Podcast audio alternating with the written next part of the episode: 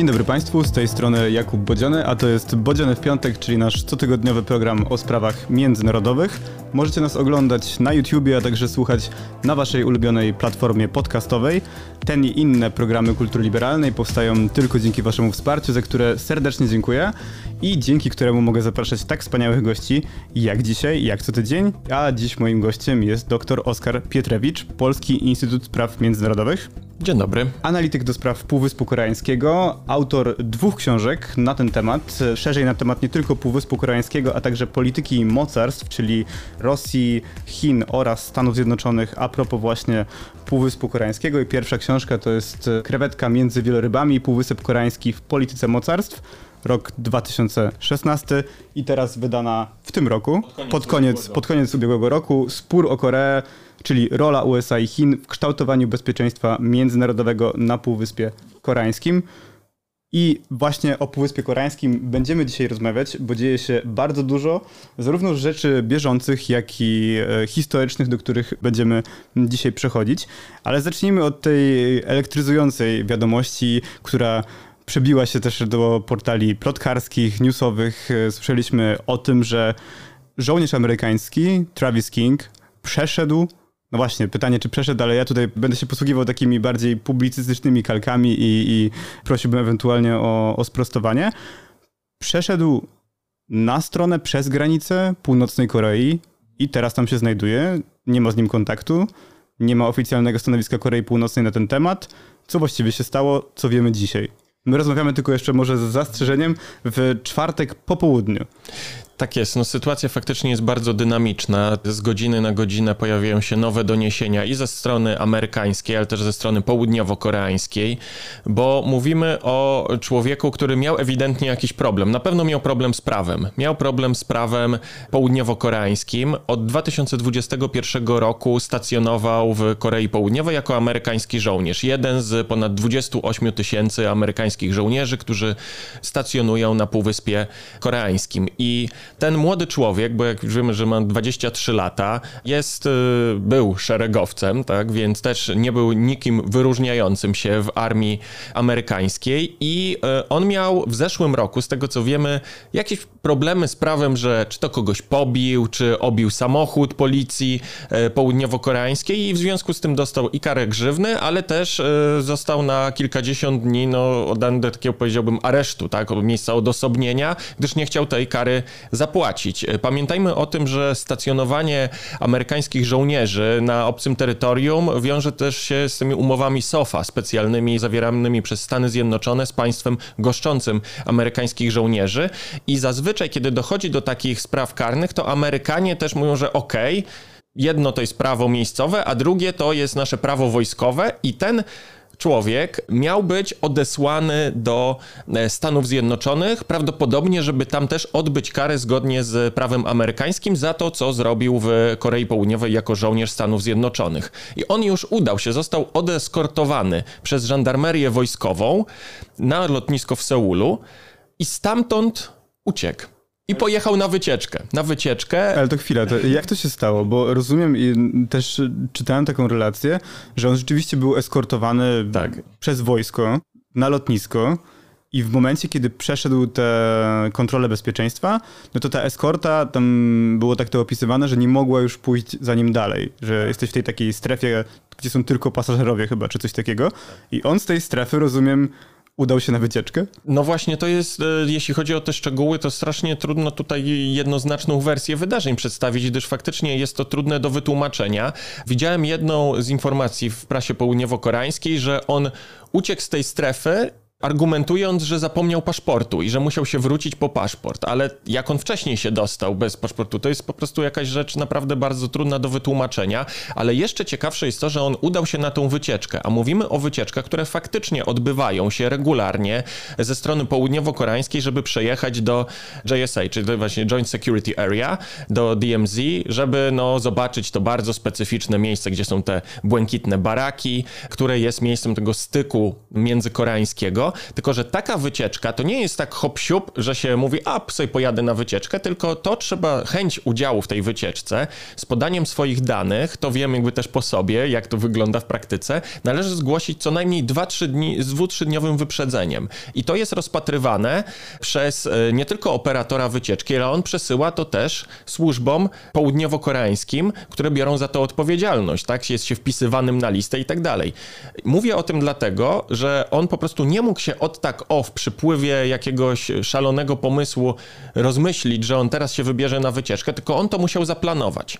On to musiał zaplanować, to znaczy musiał zgłosić udział w tej wycieczce wcześniej i nie było problemu, że on na tę wycieczkę pojechał, bo może tak naprawdę każdy pojechać, jeśli tam nie ma żadnych zgrzytów e, formalnych, no i najwyraźniej nie było. I też mamy parę relacji już od uczestników tej wycieczki, między innymi od jednej pani ze Szwecji, e, to widziałem, która po prostu była zaskoczona tym, co tam się działo, że, że on po prostu nagle zaczął się śmiać i przebiegł przez granice. I tu mówimy o czymś bardzo, mówię w cudzysłowie granicy, bo tak naprawdę to formalnie nie jest granica międzypaństwowa. To jest specjalny pas wytyczony dwukilometrowy, który jest konsekwencją zawieszenia broni z 53 roku. I jest to punkt, który jest w dużym stopniu kontrolowany przez dowództwo sił ONZ-owskich, które formalnie były stroną konfliktu koreańskiego. I z tego, co widziałem z relacji, już jak się wypowiadali ludzie z tego dowództwa ONZ-owskiego, mówili, że oni sami byli zdumieni, co się dzieje, ale oni też nie dopatrzyli tego, tak? Bo oni odpowiadają za to, żeby właśnie nie dochodziło do takich sytuacji, bo w momencie, kiedy ktoś przekroczy tę granicę, to tak naprawdę nie można za nim pobiec on już wtedy wpada, powiedziałbym, w jurysdykcję tego drugiego państwa, a tu mówimy o Korei Północnej. I faktycznie te okoliczności są przedziwne. Ucieczka jako uczestnik wycieczki w wykonaniu dezertera armii e, amerykańskiej, no to chyba pierwszy raz z czymś takim faktycznie mamy do czynienia, bo były inne przykłady dezercji, ale to były osoby, które stacjonowały przy granicy i po prostu w trakcie służby uciekły, ryzykując y, no, bardzo dużo, włącznie z tym, że zostaną zabici albo po prostu przechodzą przez pole minowe i mogą zginąć. A tu mówimy no, o innym przypadku, coś takie, taka wariacja wojskowo-cywilna, bo tak naprawdę w tych wycieczkach biorą udział zazwyczaj wyłącznie cywile, więc dla mnie to jest też y, przedziwna historia, co ten człowiek miał w głowie, jakie są jego motywacje, poza tymi, że prawdopodobnie w wnioskując na podstawie tej jego najnowszej historii. Mówimy o człowieku, który chciał uniknąć odpowiedzialności karnej ale to jest tylko domniemanie i dość powiedziałbym niecodzienny pomysł, że jeśli chce się uniknąć odpowiedzialności karnej, to się ucieka do Korei Północnej. Tak, to właśnie zatrzymajmy się może jeszcze na chwilę przy tym, jak rzeczywiście to miejsce jest zorganizowane, bo mm, wstępnie o tym opowiedziałeś. Wydaje mi się, że to jest w skali świata dosyć unikatowe w ogóle miejsce. I to jest rzeczywiście ten jedyny punkt styku pomiędzy Koreą Południową a Północną, tam gdzie są prowadzone wszystkie rozmowy. To znaczy tak, jeśli chodzi, to właśnie ma taką powiedziałbym funkcję polityczno-dyplomatyczną, tak? To jest to miejsce, gdzie często właśnie różnego rodzaju rokowania się odbywały i tak dalej. To jest w ogóle taki pas dość rozciągnięty. Było były różne punkty w tych ostatnich kilkudziesięciu lat, takie, które zasłynęły, zasłynęły z różnych wydarzeń, włącznie z, też z wymianą ognia, na przykład most bez powrotu i tak dalej, ale te baraki, które widzimy, to jest to najbardziej charakterystyczne miejsce, które jest, powiedziałbym, najbezpieczniejsze. Ta, ten pas dwukilometrowy po każdej ze stron, on w ostatnich latach się też trochę zmienił, gdyż na mocy porozumień międzykoreańskich z 2018 roku część przygranicznych właśnie posterunków E, zostało rozmontowanych, bo w 2018 roku Koree mówiły bardzo dużo o chęci poprawy relacji, budowania wzajemnego zaufania i właśnie między innymi doszło też do rozminowywania części właśnie po stronie południowej i północnej, bo tak naprawdę mówimy o ponad 230-kilometrowej granicy de facto. To jest taki pas, rozumiem, pas, czyli 230 tak. km mniej więcej długości, a szerokości? No to jest, to jest właśnie, to jest 4 kilometry. 2 kilometry po jednej stronie i 2, dwa po drugiej i na długości 230 kilometrów to jest po prostu ta granica międzykoreańska, więc też mówimy o tym, że Półwysep Koreański jest powiedziałbym taki wąziutki, tak? Więc e, to są różne odcinki międzykoreańskie, natomiast e, tu mówimy o tym szczególnym miejscu, bardzo umiędzynarodowionym, takim, które zawsze jest też miejscem odwiedzin dyplomatów z innych państw, tak? To zawsze jest ten element zapoznania się się z sytuacją między Koreami przez ludzi, którzy przyjeżdżają z innych stron świata, ale na przykład wycieczki, które są organizowane od strony południowej, od strony północnej też, ale, ale bardziej, częściej uczęszczane siłą rzeczy są te od strony południowej, to są różne punkty do odwiedzenia, tak? Na przykład takie bardziej punkty widokowe, nie tylko możliwość wejścia do tych y, baraków, które są po prostu konsekwencją porozumień, jakie y, trwały w latach 51-53 między nie tylko Koreańczykami, ale też przede wszystkim między Amerykanami i Chińczykami. I tam teraz stacjonują, bo są takie obrazki, to de facto wygląda trochę jak wioska. Takie mhm. niskie domki, bez tego kontekstu to można by je uznać w jakiś sposób, może nawet za, za jakieś idylliczne, takie miłe, małe miejsce. Mhm. I tam teraz stacjonują e, żołnierze południowo-koreańscy, tak, po mhm. jednej stronie tej granicy, po drugiej północno-koreańscy, Dodatkowo administrują tym siły ONZ-u, mhm. ale są tam też a jeszcze amerykańscy żołnierze, którzy stacjonują w południowej Korei. Tak, tak. To jest, y, powiedziałbym tak właśnie miks, który zarysowałeś. Y, pamiętajmy też o tym, że część z tych baraków y, jest przeznaczona dla komisji, dla przedstawicieli Komisji Nadzorczej Państw Neutralnych, a więc ciała, w którym nadal formalnie jest Polska. To był element zawieszenia broni, kończącego de facto wojnę koreańską, ale nie z punktu widzenia prawdą międzynarodowego.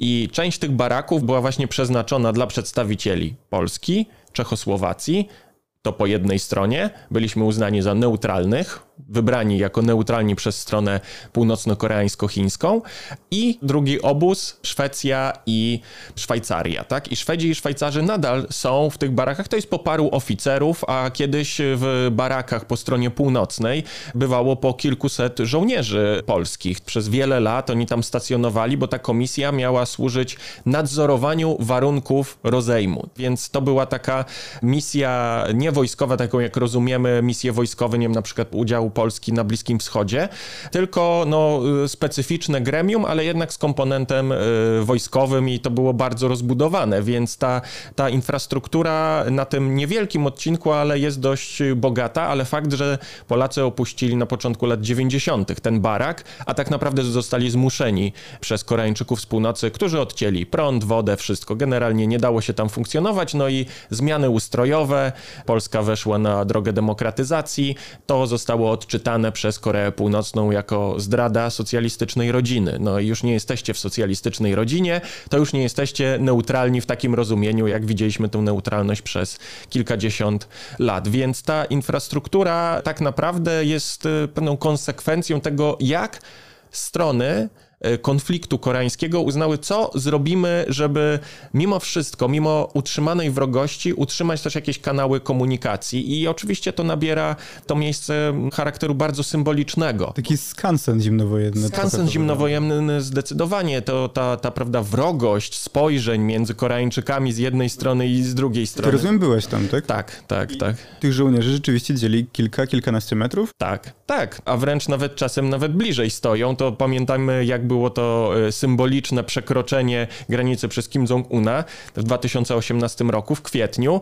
i na chwilę on przeciągnął za sobą prezydenta Moon Jae-ina na stronę północną, a przecież to jest po prostu tylko taki krawężnik, który dzieli, więc to jest taki paseczek, e, który pokazuje też absurd tej sytuacji, bo e, tak jak powiedziałem, przekroczenie tej granicy, czyli tego krawężnika, tego krawężnika tak naprawdę, to gdzie niegdzie jest krawężnik, to, to tam jest kawałek trawnika i tak dalej, to jest e, akt niesamowitej odwagi, bo nawet jak były takie sytuacje, że uciekali z północy żołnierze na południe, to chyba w 2017 roku ostatni był taki e, głośny przypadek, co naprawdę no, wygląda jak, wyglądało to jak film akcji, bo ten żołnierz przyjechał e, jakimś jeepem i po prostu przebieg, został zresztą postrzelony przez swoich ziomków z armii północno-koreańskiej, ale kiedy przeczołgał się na stronę południową, to oni już nic z tym nie mogli zrobić, bo gdyby zaczęli strzelać na stronę południową, no to ci z południa muszą odpowiedzieć ogniem.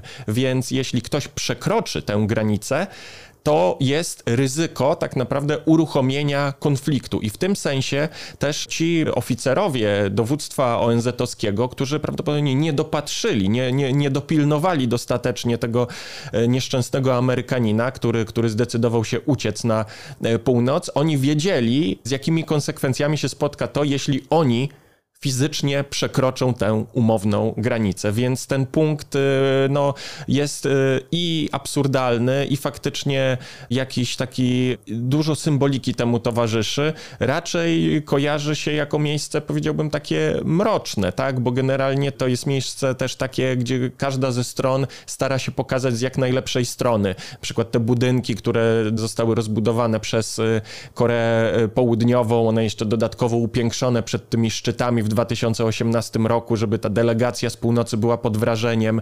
To wszystko pokazuje, zresztą mamy też na przykład wioski potiomkinoskie, tak naprawdę po jednej i po drugiej stronie Korei, e, w Korei Północnej i w Korei Południowej. I przez kilkadziesiąt lat oni się ścigali, który maszt jest wyższy. Teraz ten e, północno-koreański, rozumiem, jest wyższy, tak? Północno-koreański jest wyższy, tak, i tam, więc mamy do czynienia z sytuacjami absurdalnymi, nie mówiąc o tym, co też jest bardzo e, charakterystyczne na innych odcinkach granicy. Akurat tam e, stricte przy tych barakach błękitnych tego nie ma, ale różnego rodzaju ogrodzenia i wojny głośnikowe.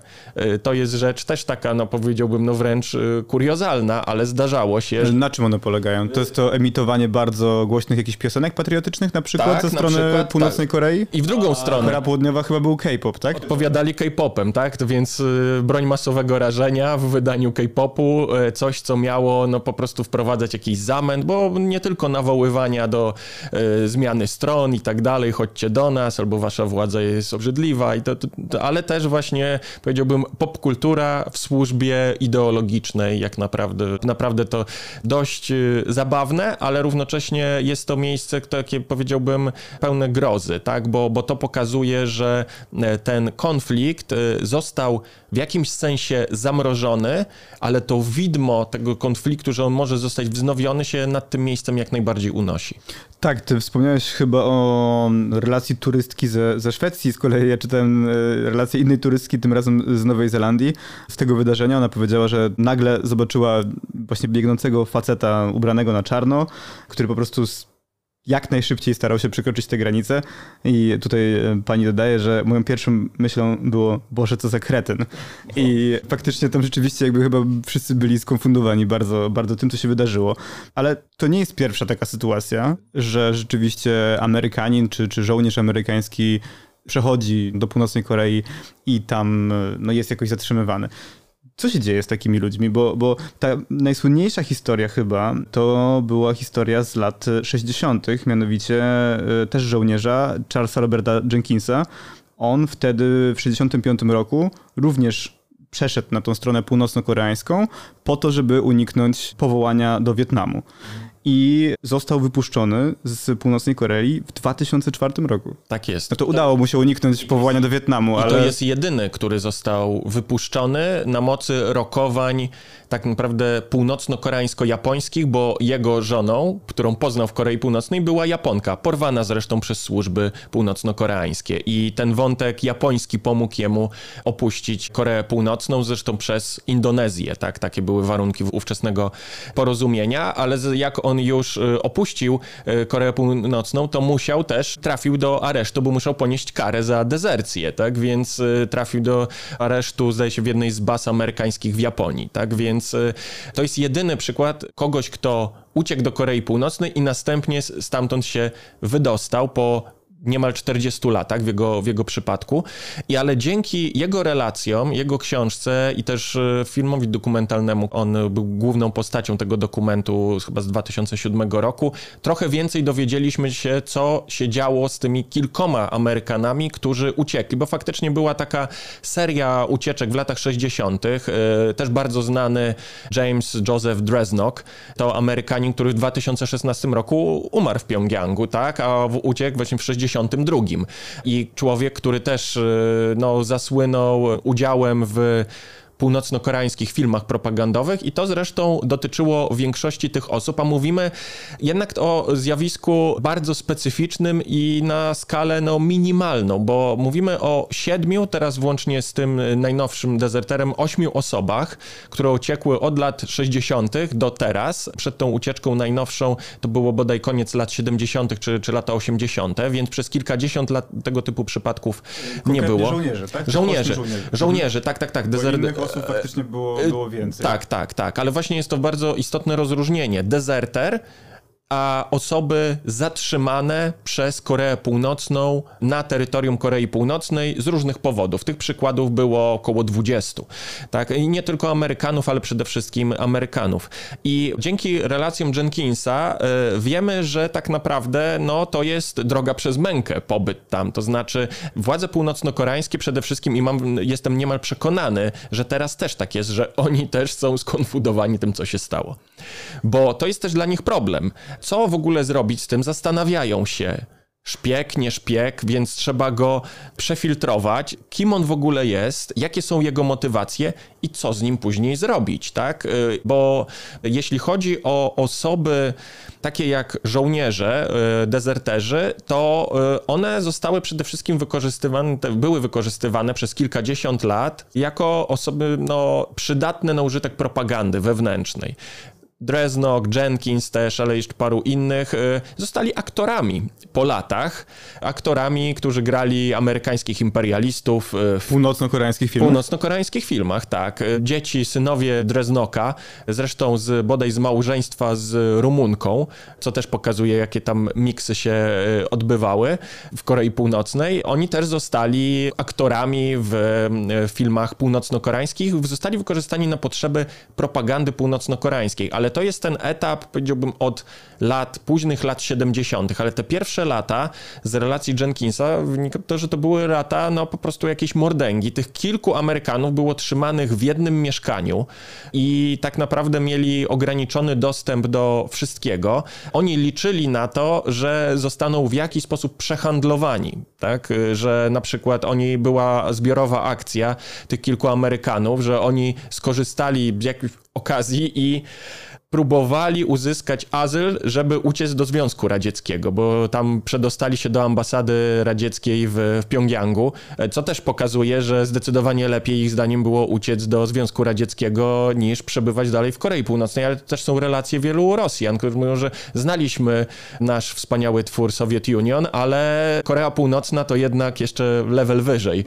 I to pokazuje, że tak naprawdę te osoby, zanim zostaną jakoś wykorzystane przez Koreę Północną, to są traktowane, no powiedziałbym, w jak najgorszy sposób, tak? I to nie chodzi o jakieś tortury, tylko po prostu nie za bardzo władza się nimi zajmuje i to się może przeciągać przez lata. Korea Północna wykorzystywała tych ludzi jako nauczycieli języka angielskiego na przykład, tak? Tak samo porwania w latach 70. obywateli i obywatelek przede wszystkim japońskich po to, żeby były nauczycielkami języka japońskiego i w tym sensie, żeby kształciły właśnie w takim duchu powiedziałbym, tego naturalnego języka. Tak na przykład właśnie bodaj Dreznok to osoba pochodząca tam gdzieś z Arkansas z charakterystycznym akcentem i podobno kolejne pokolenia ludzi po, po anglistyce na, na Uniwersytecie Kim Il-sena wychodziły z tym akcentem specyficznym. British English, tylko wersja północno-koreańska. Tak. tak, tak więc no rzeczy przedziwne, ale pokazujące, że jakaś była próba wykorzystania tych osób, ale też bez przesady, żeby nie robić z nich jakichś osoby, które stały się nie wiadomo jak rozpoznawalne, chociaż w przypadku Dreznoka mówimy o osobie, która na tyle jakoś zapadła podobno Koreańczykom z północy w pamięci w tych filmach propagandowych, że no, został zapamiętany bodaj jako Andrew przede wszystkim, bo grał jakiegoś tam w kolejnych seriach, jakiegoś chyba oficera amerykańskiego, który miał na imię Andrew i, i był właśnie tym takim przedstawicielem tego imperium zła amerykańskiego. No i na podstawie historii Dreznoka też wiemy, że on tam uciekł, dlatego że też chciał uniknąć kary, miał dość y, po prostu funkcjonowania w armii amerykańskiej, miał jakieś niepoukładane życie osobiste i zdecydował się, a ucieknę. Tam w jego relacjach y, wychodziło, że no, zaryzykowałem przejście przez pole minowe. Jak już minąłem, to uznałem, że będę żył, a co dalej zobaczymy. I on, y, no pytanie na ile tutaj już był zinfiltrowany, bo też ci ludzie byli poddawani tak dużej i inwigilacji, indoktrynacji, żeby nauczyć się życia po koreańsku, że to na pewno też musiało wpłynąć na ich postrzeganie rzeczywistości, chociaż na przykładzie Jenkinsa no widać, że on y, do końca nie został zmielony, bo jednak z tego północno-koreańskiego raju ostatecznie chciał uciec. A czy Amerykanom, czy stronie amerykańskiej tak naprawdę, czy my o tym wiemy, czy im zależy na wyciąganiu żołnierzy, którzy są dezerterami? No bo to też jest co innego właśnie, dlatego sprowadziłeś to, wydaje mi się, bardzo istotne rozróżnienie na cywili, którym coś się dzieje z ich winy lub nie. Mieliśmy tą słynną historię z 2016 roku ze studentem, który zerwał plakat w Pjongjangu. Historia, która tragicznie się skończyła. Natomiast tutaj ta historia jest trochę inna i ona mi się jakoś od razu skojarzyła z polskim przypadkiem, czyli z Emilem Czeczeczką, który przeszedł przez granicę polsko-białoruską i również tragicznie się to dla niego skończyło. To też była osoba, która już jak wiemy miała wiele problemów w samym wojsku. Natomiast czy Amerykanie dążą aktywnie do, do wyciągnięcia tych ludzi? Nawet na przykładzie tej najnowszej sytuacji widzimy, że Amerykanie uruchomili jakieś kanały. Pentagon uruchomił kanały, no ale informują, że no, Koreańczycy z północy nie reagują. Nic dziwnego, bo tak naprawdę kanały komunikacji i polityczne, i te wojskowe, i innego rodzaju między Stanami Zjednoczonymi a Koreą Północną nie istnieją od 2019 roku. To jest po nieudanym szczycie Donalda Trumpa z Kim Jong-unem w Hanoi w lutym 2019 roku. Od tego czasu tak naprawdę mamy w ogóle wyciszenie jakichkolwiek kanałów komunikacji, więc Amerykanie mają realny techniczny problem. Jak zakomunikować to Koreańczykom, że coś coś się stało z ich obywatelem i oni chcą wiedzieć co. Dlatego też tutaj zaangażowane jest dowództwo ONZ-owskie, tak, które może być no, stroną, która no, nadzoruje to, co się dzieje właśnie w tej strefie zdemilitaryzowanej, no i w związku z tym jest naturalnym, naturalną stroną, która powinna zwracać się, żeby wyjaśnić tę sprawę, ale na to nakłada się problem nowy, to znaczy pandemia, która e, tak naprawdę ten reżim pandemiczny, e, nawet może zluzowany na tle tego, co było przez ostatnie trzy lata w Korei Północnej, ale nadal jest problematyczny. To znaczy, że w ogóle Koreańczycy na granicach nie ma możliwości wjechania do Korei Północnej legalnego. Więc e, ma, mówimy tylko o przypadku w tym roku, pierwszym przypadku od stycznia 20 roku, kiedy garstka dyplomatów chińskich wjechała do Korei Północnej. A czy polska ambasada w Pjongjangu dalej funkcjonuje? Znaczy wiem, że jest, ale czy tam jest personel? Nie, nie ma od jesieni 20 roku z powodów, powiedziałbym, bardzo życiowych, pragmatycznych. Po prostu się okazało, że w warunkach pandemii zamknięcia granic przez Koreę Północną nie było możliwe sprowadzanie jedzenia, leków i tak dalej. I polska placówka i tak była jedną z ostatnich, która z placówek europejskich, która opuściła Pjongjang, więc mówimy tutaj tak naprawdę o garstce, bodaj chyba tylko ośmiu ambasadach, które funkcjonują, ale też w bardzo, bardzo wąskim zakresie. Chińska, rosyjska przede wszystkim to są te dwie główne placówki, ale też najbardziej rozbudowane, e, powiedziałbym takie, które najtrudniejsze czasy mogły przetrwać i widać, że udaje im się przetrwać w, w Korei Północnej. Ale wracając do tego, do tego wątku, czy Amerykanie zadbają o tego dezertera, no wydaje mi się, że właśnie ten kontekst, o który zarysowałem, braku rozmów w ogóle między Koreą Północną a Stanami Zjednoczonymi działa na niekorzyść tego dezertera. Travisa Kinga, tak. Tak, bo on, brzydko mówiąc, nie ma teraz za bardzo sensu, żeby go przehandlować nic się nie uzyska z tego, bo Koreańczycy z północy najwyraźniej w ogóle nie chcą rozmawiać z Amerykanami, a Amerykanie inaczej, y, to co też zasygnalizowałeś, zabiegali o swoich obywateli, cywilów zatrzymanych przez Koreę Północną. Często na najwyższym szczeblu, prawda? Tak, tak. No, były prezydent y, Bill Clinton w 2009 roku udał się, Jimmy Carter y, jeździł do Korei Północnej też negocjować, to, tylko to był element szerszych negocjacji amerykańsko-północno-koreańskich i też chodziło właśnie o cywili. Trochę inaczej, innymi słowy, osoby, które z punktu widzenia prawa amerykańskiego były niewinne, a tu mówimy o kimś, kto złamał amerykańskie prawo i to też jest y, trochę y, inna sytuacja i te historie z lat 60., 70. pokazywały, że amerykańskie władze jakoś starały się negocjować, ale bardziej na zasadzie wymiany jeńców i tak dalej. Teraz w ogóle nie ma tego tematu i wydaje się, że opcje y, są tak naprawdę, no przede wszystkim podstawowa opcja jest taka, że Koreańczycy sprawdzą, kto to jest, okaże się on bezwartościowy. To jest szeregowiec, ten człowiek prawdopodobnie nie ma żadnej wiedzy no, o niczym. Nieco więcej niż rok doświadczenia tak. w, w służbie w ogóle. Tak, więc osoba bezużyteczna, ba, powiem brutalnie, to jest czarnoskóry, więc z punktu widzenia propagandowego on też jest bezużyteczny dla Koreańczyków z północy, bo Amerykanin w propagandzie północno-koreańskiej, ten, którego można wykorzystać, biały, biały, biały Jankes, tak? A czarnoskóry, pamiętajmy o tym, że e, Korea Północna jest też państwem szalenie rasistowskim, szalenie rasistowskim i po prostu ten czarnoskóry Amerykanin nawet nie może być za bardzo wykorzystany, żeby tak powiedzmy zatrudnić go do filmu, no chyba, że propaganda jednak znajdzie jakiś pomysł, ale może się okazać on po prostu osobą totalnie bezużyteczną, ale trzeba go najpierw sprawdzić. Pytanie, jak długo będzie trwało to sprawdzanie tego, kim on jest, co tu się w ogóle stało i zastanawianie się przez Koreańczyków z północy, czy można w ten sposób cokolwiek zasygnalizować Amerykanom. E, mam co do tego wątpliwości, mając na uwadze wystąpienia e, Kim Yo-jong, czyli siostry Kim Jong-una, która wyraźnie jest pewnym takim, taką krzykaczką reżimu północno-koreańskiego, która sygnalizuje, że czas rozmów e, ze Stanami Zjednoczonymi się skończył. Jej brat zresztą to samo mówi od tych właśnie mniej więcej trzech lat, więc nie ma okoliczności politycznych, żeby w ogóle sprawę tego Amerykanina jakoś rozwiązać, a jeśli chodzi o, no, doświ o doświadczenia jego poprzedników, że tak powiem, no są takie, że po prostu albo stamtąd nie wyjedzie, albo wyjedzie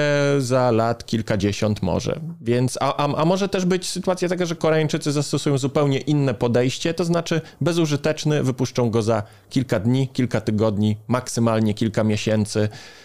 Zresztą pamiętajmy, że to podejście też do cywilów było bardzo różne, amerykańskich zatrzymanych przez Koreę Północną. Korea Północna potrafiła ich bardzo długo przetrzymywać, po kilka lat, ale też potrafiła ich wypuścić no niemal z dnia na dzień, kiedy na przykład tak, był, tak było w 2018 roku.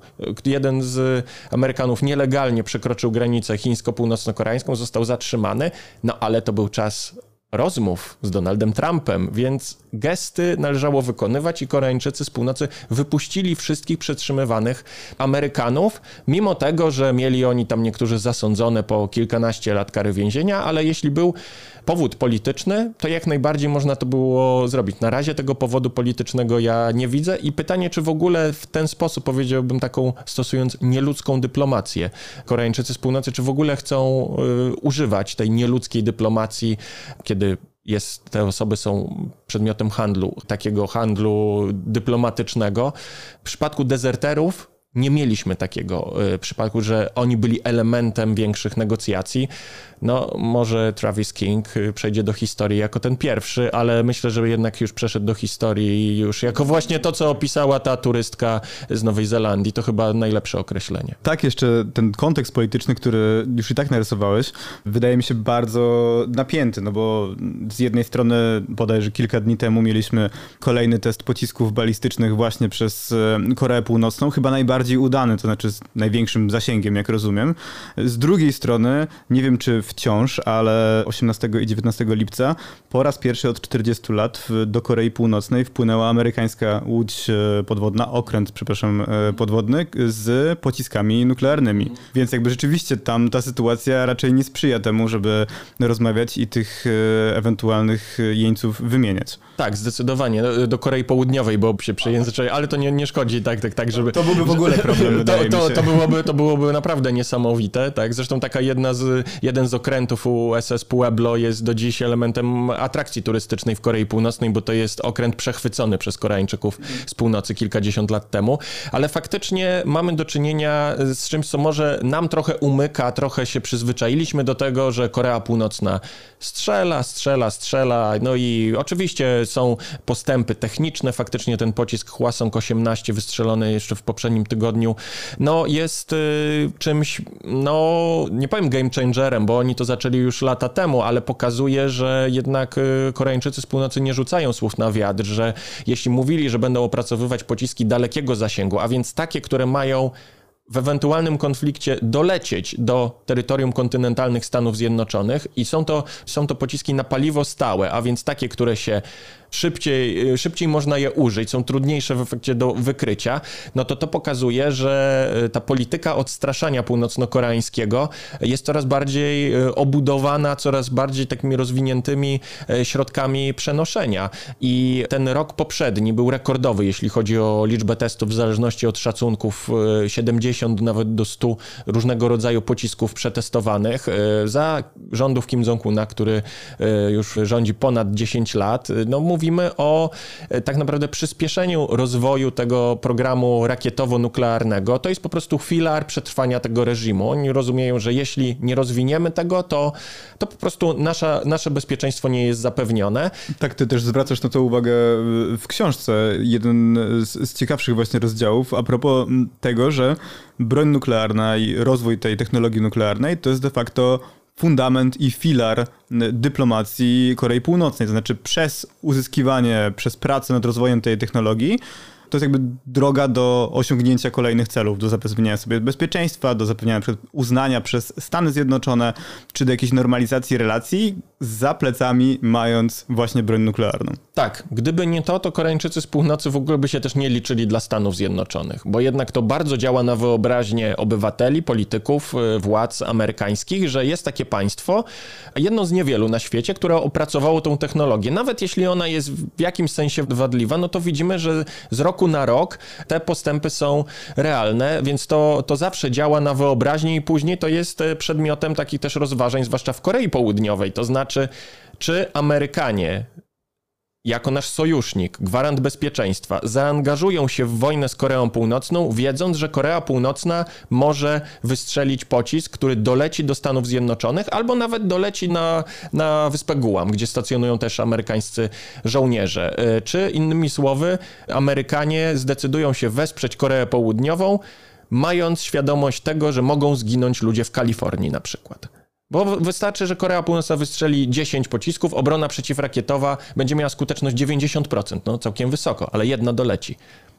I to jest no, rzecz, no, która może wpływać na kalkulacje amerykańskie, i wydaje mi się, że teraz faktycznie od y, ponad roku, od kiedy rządzi konserwatywna administracja w Seulu, prezydenta Yoon Suk-yeola, e, to mamy zacieśnienie współpracy militarnej między Stanami Zjednoczonymi a Koreą Południową, i stąd jest między innymi ta wizyta w, w Pusanie, w największym porcie południowo-koreańskim okrętu atomowego amerykańskiego, coś, co jest konsekwencją tzw. Tak deklaracji waszyngtońskiej z tego roku, podpisanej między Koreą Południową a Stanami Zjednoczonymi, która ma no właśnie zwiększać gwarancję bezpieczeństwa dla Korei Południowej w sytuacji coraz większego zagrożenia i dywersyfikacji tych środków przenoszenia przez Koreę Północną, bo to, co jest bardzo istotne z punktu widzenia Korei Południowej, to jest to, że Korea Północna w ostatnim roku pokazała, że rozwinęła potencjał broni taktycznej, prawdopodobnie jądrowej. Nie został przetestowany taktyczny ładunek jądrowy, ale te środki przenoszenia, które na, na krótki dystans mogą trafić w każdy cel po stronie południowej, no to działa na wyobraźnię Koreańczyków z południa i dlatego oni oczekują od Amerykanów: zareagujcie, pokażcie, że faktycznie będziecie naszym gwarantem bezpieczeństwa i że sytuacja się zmienia na naszą niekorzyść, bo Korea Północna, państwo pod każdym względem słabsze od nas, Koreańczyków z południa, ma ten jeden atut i go eksploatuje na każdym, e, na każdym polu i go rozwija. Tak i mówimy tak naprawdę o takiej sytuacji trochę wet za wet w ostatnim roku, bo kiedy rozmawiali ze sobą, to i były manewry amerykańsko-południowo-koreańskie wstrzymane, pandemia na to się nałożyła, a tak naprawdę teraz mamy zintensyfikowanie współpracy militarnej amerykańsko-południowo-koreańskiej. Koreańczycy z południa też przyjmują takie założenie, że nie odpuścimy odpuścimy, tak? Musimy pokazać, że jesteśmy silniejsi i pamiętajmy o tym, że Korea Południowa też ma bardzo rozwinięty program rakietowy, tak? Więc to e, jest tak, że Koreańczycy między sobą rywalizują e, w tym aspekcie rozwoju broni rakietowej i to jest e, rzecz, która stała się takim nieodłącznym elementem dyskusji na temat bezpieczeństwa na Półwyspie Koreańskim. To znaczy, że jedno państwo rozwija coś, drugie nie może pozostać obojętne wobec tego i dochodzi do tego właśnie czynnik ten, który opisałem w książce, ten umiędzynarodowiony, amerykański i chiński. Co sojusznicy, bo Chiny są jedynym traktatowym sojusznikiem Korei Północnej, zresztą i w drugą stronę. Chiny nie mają żadnego innego sojusznika traktatowego poza Koreą Północną. Jednak współpraca z Rosją to jest to strategiczne partnerstwo, to trochę inaczej wygląda. No i mówimy tak naprawdę zawsze o tym, co co myślą, jak będą reagować ci sojusznicy dwóch państw koreańskich, Chińczycy i, i Stany Zjednoczone. Więc to nie jest tylko pojedynek międzykoreański, ale zawsze tutaj jest ten kontekst e, międzynarodowy chińsko-amerykański, który jest tym bardziej tutaj ciekawy, bo jest to ta relacja, która jest omawiana na różnych, e, przy różnych tematach jako ta kluczowa dwustronna relacja współczesnego świata. Tak, to są te wieloryby dookoła e, krewetki tutaj jak na okładce tej pierwszej książki, te właśnie relacje pomiędzy mocarstwami a, a Koreą i wzajemne pomiędzy właśnie tymi mocarstwami są świetnie i dokładnie opisane w książce, dlatego tym bardziej jeszcze raz wam polecam. Natomiast tu bym chciał postawić e, przecinek, znaczy przejść jeszcze do jednego tematu, o którym mieliśmy dzisiaj porozmawiać, bo zaczęliśmy od takiego kontekstu bardzo bieżącego, biorąc pod uwagę właśnie sprawę Travisa Kinga, osadzonego w kontekście bardzo historycznym, czyli w tym relikcie zimnowojennym, w tej, w tej strefie zdemilitaryzowanej, która za tydzień będzie obchodzić 70. urodziny, znaczy mianowicie te porozumienia, które zostały podpisane w roku 53, 27 lipca. I tam podpisano to zawieszenie broni i wyznaczono właśnie tę linię e, demarkacyjną, która będzie mieć e, wkrótce te okrągłe 70. urodziny. I Coraz więcej mówi się o tym w publicystyce polskiej, ale też międzynarodowej, szczególnie amerykańskiej i wydaje mi się, że dlatego amerykańskiej, ponieważ Amerykanie właśnie mają bezpośrednie doświadczenie, bo byli współautorami tych porozumień. Mówi się o tym, że właśnie to rozwiązanie koreańskie może być rozwiązaniem najlepszym dla Ukrainy w kontekście wojny z Rosją. I pojawił się taki tekst e, w najnowszym numerze mm, Foreign Affairs, e, profesor Carter e, Malkazian. On ma taki tytuł The Korea Model, Why an Armistice Offers the Best Hope for Peace in Ukraine, czyli dlaczego właśnie to zawieszenie broni może być najlepszym możliwym rozwiązaniem na zakończenie wojny Ukrainy z Rosją. I Naszkicowałeś już mniej więcej, jak to wyglądało na samym początku, kiedy rozmawialiśmy o tym kontekście tego, co się stało z Travisem Kingiem, ale czytaliśmy oboje ten tekst i wydaje mi się, że wzbudził w nas podobne dosyć, e, dosyć odczucia. Zacznijmy od tego, gdzie są podobieństwa pomiędzy sytuacją na Półwyspie Koreańskim w latach 50., a tym, co się dzieje w Ukrainie. No myślę, że to, te podobieństwa są bardzo powierzchowne. To znaczy, że jeden konflikt był krwawy, wyczerpujący dla obu stron. Żadna strona nie chciała ustąpić, i tak samo mamy na Ukrainie, że każdy dąży do osiągnięcia maksymalnych swoich celów i nie chce pogodzić się z ustępstwami. I że pod wpływem tego zmęczenia wojną, ostatecznie najlepszym rozwiązaniem będzie zawieszenie broni, a więc znalezienie jakiegoś kompromisu. Tylko, że tak naprawdę ja widzę wyłącznie to, podobieństwo, tak? Bo cała reszta po prostu nie pasuje do tej układanki, moim zdaniem, mając na uwadze, czym były państwa koreańskie, czym był agresor wówczas. To była Korea Północna, wspierana przez politycznie, ale też sprzętowo przez Związek Radziecki i wspierana też już militarnie, dosłownie przez Chiny, to byli tak zwani chińscy ochotnicy w liczbie niemal miliona, którzy wsparli Koreę Północną. Gdyby nie to wsparcie, Korea Północna przestałaby istnieć w wyniku kontrofensywy amerykańskiej. I e, mówimy z drugiej strony o Republice Korei, państwie wspieranym przez Stany Zjednoczone od początku. Nie chcę używać terminologii północno-koreańskiej, mówiąc o marionetce amerykańskiej, do dziś jest to stosowane, ale mówimy o państwie kadłubkowym w dużym y, stopniu, który jest uzależniony pod każdym względem od Stanów Zjednoczonych. To Amerykanie dowodzili całą tą operacją. Tak, tak, tak naprawdę tak. I Amerykanie stali na czele dowództwa ONZ-owskiego. To zresztą było pierwsze takie uruchomienie ONZ-u, wykorzystanie do celu celów amerykańskiej polityki zagranicznej, bo mówimy o wojnie, którą kojarzymy przede wszystkim właśnie z dwoma państwami koreańskimi, Stanami Zjednoczonymi, Chinami, ZSRR, ale przecież po stronie Korei Południowej brało udział, i to mówimy o udziale kilkudziesięciu tysięcy żołnierzy z Wielkiej Brytanii, z e, o tak odległych miejsc jak Kolumbia na przykład, Etiopia, Filipiny, Kanada, Australia i ludzi, którzy tam walczyli przelewali krew, przecież zginęło ponad 36 tysięcy amerykańskich żołnierzy. I jeśli już na to spojrzymy, czym były te państwa koreańskie i dlaczego doszło do konfliktu na Półwyspie Koreańskim, to tutaj jest po prostu masa różnic. E, mówimy o państwach, które dopiero co powstały, bo i jedna i druga Korea powstały w 1948 roku, w 50 w czerwcu wybucha wojna, która jest inwazją północy na południe. I e, jest to wojna służąca zjednoczeniu całego Półwyspu Koreańskiego pod rządami północy. Motywacje przyświecające północy jako państwo agresorowi są zupełnie inne niż takie, jakie przyświecały Rosji, Putina, która zaatakowała Ukrainę. Więc y, choćby pod tym względem jest y, ogrom różnic. Mówimy też o zupełnie innym, właśnie to, co już zasygnalizowałem, zaangażowaniu innych państw w ten konflikt. Oczywiście. Tak, no, Amerykanie nie walczą po stronie Ukrainy, znaczy nie ma tam żołnierzy amerykańskich I to na jest froncie. zasadnicza różnica, która sprawia, że jeśli miałoby być za- zawieszenie broni, to jednak e, musiałyby temu towarzyszyć jakieś gwarancje bezpieczeństwa. Ukraińcy tego oczekują, coś co byłoby w ogóle gwarantem przetrwania tego zawieszenia broni. No tak, szczególnie, że rozmawiamy chwilę po szczycie NATO w Wilnie, kiedy Ukraina sygnalizowała, że jest rozczarowana brakiem tych oficjalnych deklaracji i takiego kalendarza dołączenia tego kraju do, Dokładnie. do sojuszu. A w przypadku Korei Południowej to nie było elementem stricte negocjacji nad zawieszeniem broni, zresztą w którym Korea Południowa nie brała udziału. To też jest bardzo ważne. Korea Południowa nie jest stroną zawieszenia broni po wojnie koreańskiej, bo ówczesny prezydent e, Korei Południowej Lee Seung-man uznał, że on chce walczyć do końca.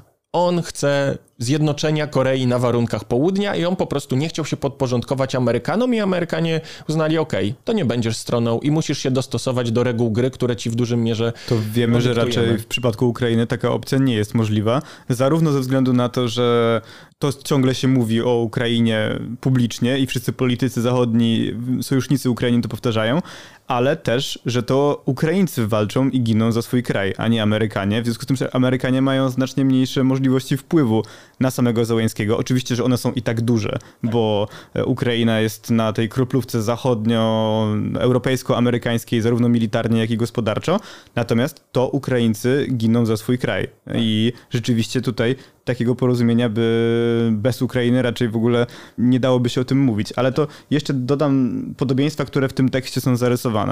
Bo tu mówi się o tym, o zmęczeniu obu stron, o tym, że żadna ze stron nie jest w stanie zadać decydującego ciosu, powołując się właśnie na tą trwającą kontrofensywę ukraińską, że tak naprawdę ta linia frontu niewiele się zmienia. Brak możliwości porozumienia politycznego, chociażby w związku z tym e, ze zbrodniami rosyjskimi, które no trudno byłoby uk- ukraińskiej stronie powiedzieć, dobrze, to dogadamy się, zawrzyjmy jakiś traktat pokojowy, nie ma problemu. I tutaj jeszcze wskazywano na to, że negocjacje w przypadku Korei, w przypadku wojny koreańskiej były toczone już podczas działań wojennych. I to było takie raczej takie zawołanie, że w sumie już teraz powinniśmy o tym rozmawiać i to nie znaczy, że musimy wstrzymywać działania zbrojne, bo z tego co, co czytałem, to właśnie podczas rozmów y, pokojowych, podczas rozmów o zawieszeniu broni właśnie koreańskich zginęło najwięcej żołnierzy. Czyli jest, właśnie tak. to, że kiedy już zaczę, zaczęto rozmawiać, no to obie strony chciały, żeby mm, ten obraz czy wynik pola bitwy odzwierciedlał ich pozycję negocjacyjną przy stole. Tak, i myślę, że to, to, co wspomniałeś, to faktycznie są te podobieństwa na tej zasadzie. To znaczy, że ten tekst y, Malkeziana jest taką ilustracją tego, jak wygląda y, trudny dla obu stron konflikt, w którym żadna nie osiąga satysfakcjonujących rezultatów na polu bitwy, nie ma woli politycznej porozumienia i że y, tak naprawdę pole bitwy jest tym elementem też negocjacji dyplomatycznych. I faktycznie w przypadku wojny koreańskiej negocjacje trwały od 51 do 53 roku y, z przerwami i tutaj zwłaszcza postawa Stalina była taka zachęcająca, nakazująca, żeby Koreańczycy z północy dalej walczyli, a y, tak naprawdę mówiliśmy o stronie północno-koreańskiej najbardziej wycieńczonej tym konfliktem, ale w wyniku, powiedziałbym, zachęt y, Stalina, no tutaj mm, Kim Il-sen musiał na to przystać, zresztą Mao też. No tak, a właśnie to też było ciekawe, szczególnie, że to porozumienie w końcu zostało podpisane zaraz po śmierci Stalina. Otóż to, więc on był też, to też tutaj się mogą pojawiać takie bardzo powierzchowne podobieństwa, że tam problemem był Stalin, teraz problemem jest Putin. Tak, bo tutaj też właśnie w tym tekście jest wskazane, że właśnie no, głównym hamulcowym, czy może wadą tego wszystkiego, tej, tej teorii i porównań jest to, że po prostu Putin w jego interesie nie jest e, podpisywanie tego trwałego zawieszenia broni. W jego interesie, jak argumentuje autor, jest to, żeby czekać na obniżenie intensywności konfliktu, coś co znaliśmy powiedzmy z lat 2014-2015. Może podpisać coś na kształt Mińska 1, 2 czy teraz właśnie 3 co Ukraińcy oprotestowują, bo wiemy, jak te porozumienia się skończyły, i po prostu przygotować się na kolejny etap wojny y, we względnym spokoju. I tak, żeby nie popełniać tych błędów, które się popełniło w lutym 2022 y, roku. Tak, no wydaje mi się, że te, te właśnie, bo to są takie dość powierzchowne podobieństwa, zresztą w tym tekście jest dużo o tych okolicznościach wojny koreańskiej, natomiast jeśli chodzi o te różnice, to one moim zdaniem no, są dużo istotniejsze, bo jak mówimy o gwarancjach bezpieczeństwa, Korea Południowa to nie było elementem negocjacji, ale to było powiązane, że Korea Południowa wynegocjowała z Amerykanami to, że Stany Zjednoczone będą gwarantem bezpieczeństwa i do dziś trwa sojusz amerykańsko-południowo-koreański, zawarty w 1953 roku, czyli zostali amerykańscy żołnierze i do dziś są na Półwyspie Koreańskim. Prawie 30 tysięcy. Prawie 30 tysięcy, w różnych okresach było ich dużo, dużo więcej, więc Amerykanie się zaangażowali na całego, traktując przyczółek w Korei Południowej jako element strategii regionalnej wobec Związku Radzieckiego i komunistycznych Chin. Nie tylko Japonia, takie były pierwotne założenia Amerykanów, żeby być tylko w Japonii, ale później uznali, że ten łańcuszek przydałoby się, żeby był większy amerykańskich sojuszy i zresztą to uruchomiło w 1951 roku ten system San Francisco, tak? To znaczy, że Amerykanom wojna w Korei uświadomiła, to, że muszą być zaangażowani bezpośrednio militarnie w Azji Wschodniej. Takiej świadomości Amerykanie nie nabyli, jak dotąd widzimy, jeśli chodzi o stanowisko ich wobec e, Ukrainy, ale z drugiej strony mają swoich sojuszników w NATO. Tam Amerykanie mają politykę zupełnie inną od kilkudziesięciu lat w Azji Wschodniej, opartą o system sojuszy dwustronnych, nie w formie organizacji, jaką jest NATO, tylko właśnie e, porozumień dwustronnych. I Koreańczycy z południa dlatego tak naprawdę de facto przystali na to zawieszenie broni, wiedząc, że najlepszym gwarantem, że nie dojdzie do wznowienia walk, a i tak doszło. W latach 60. mówi się o tak zwanej drugiej wojnie koreańskiej. Przez kilka lat trwały tak duże ostrzały, że zginęło tam po jednej i drugiej stronie po kilkaset osób. Ale to nie była oczywiście taka skala, ale niezależnie od tych licznych incydentów, jakie się w ostatnich 70 latach wydarzyły między Koreami, to jednak nie wybuchła taka pełnoskalowa wojna, dlatego że Amerykanie są obecni fizycznie, militarnie w Korei Południowej. Czegoś takiego Amerykanie nie chcą zagwarantować z powodów przeróżnych Ukrainie. W związku z tym to jest mój podstawowy zarzut do tego porównywania. Koreański model, bo koreański model nie oznacza tylko zawieszenia broni, ale też tego, co się dzieje z tymi państwami później. Bo autor tutaj mówi, że zawieszenie broni przyniosło taki rozwój ja Korei Południowej. Pozwolę sobie zacytować, e, tutaj nawet e, tłumaczę na bieżąco. Jeśli doszłoby właśnie do takiego zawieszenia broni, e, załóżmy, że 80% y, kraju byłoby w kontroli Kijowa, w kontroli ukraińskiej, no to Ukraina mogła być drugą Koreą Południową pod względem gospodarczym, że tam właśnie płynęłyby ogromne inwestycje, również militarnie mm, by się zabezpieczyło ten kraj i za cenę tych jakichś koncesji, bo one oczywiście by musiały być, żeby zrezygnować z suwerenności ukraińskiej na jakiejś części terytorium obecnie okupowanej e, przez Rosjan, no to on nie mówi o tym, że to jest bardzo dobre wyjście, tylko że ze wszystkich złych rozwiązań, które mamy na stole, to jest najmniej złe. I dlatego powinniśmy dążyć w tę stronę. No tak, rozumiem tę, tę argumentację, natomiast problem polega właśnie o to, jakie będą okoliczności tego, żeby Ukraina stała się drugą Koreą Południową. Bo Korea Południowa stała się Koreą Południową, którą teraz widzimy w warunkach wsparcia parasola bezpieczeństwa, w tym parasola atomowego Stanów Zjednoczonych. Niezbędne. Bez tego nie byłoby dalszego rozwoju. Ba, Koreańczycy z południa mogli sobie pozwolić, nie w takim stopniu jak Japończycy, którzy w ogóle wprowadzili, powiedziałbym, zresztą za namową Amerykanów, no, pacyfizm na salony polityczne i bardzo pokpili rozwój militarny przez kilkadziesiąt lat, ale e, Koreańczycy... Bo mogli sobie na to pozwolić. Bo mogli sobie na to pozwolić i Koreańczycy z południa też mogli sobie na wiele rzeczy pozwolić, bo wujek sam był tym, który dba o bezpieczeństwo, bo to jest w interesie też Amerykanów. I to jest właśnie to, że tutaj kalkulacje Amerykanów są zupełnie inne i wydaje mi się, że e, sama idea zawieszenia broni,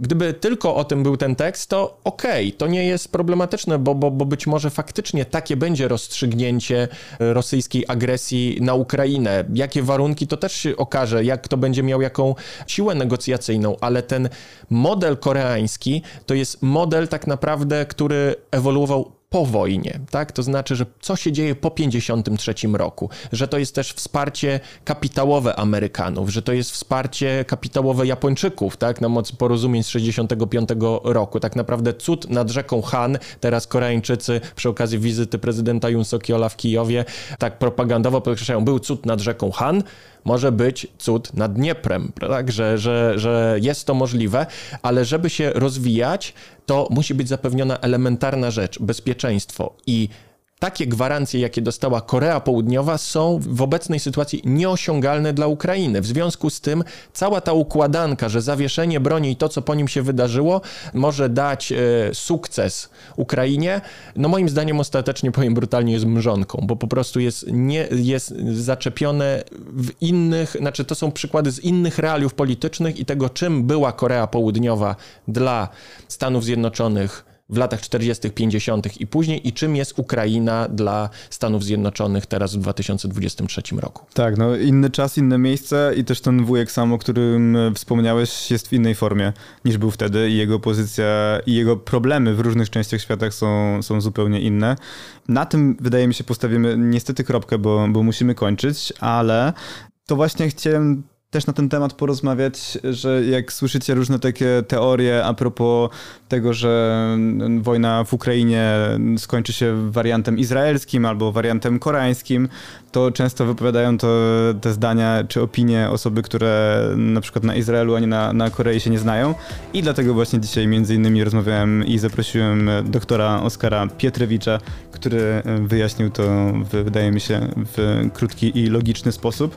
A jeśli chcecie dowiedzieć się o Korei więcej, to jeszcze raz serdecznie polecamy książkę Spuro Koreę, wydaną przez Polski Instytut Spraw Międzynarodowych, rola USA i Chin w kształtowaniu bezpieczeństwa międzynarodowego na Półwyspie Koreańskim. A moim gościem jeszcze raz był dzisiaj dr Oskar Pietrewicz, któremu serdecznie dziękuję. Dziękuję bardzo za zaproszenie. I dziękujemy również Wam, że byliście dzisiaj z nami. Koniecznie napiszcie nam, co sądzicie o tym odcinku. Czekamy na Wasze opinie, komentarze i sugestie. Jak zawsze program wydawała i realizowała Zofia Majchrzak, której również serdecznie dziękuję, a my widzimy i słyszymy się już za tydzień. Do zobaczenia i do usłyszenia.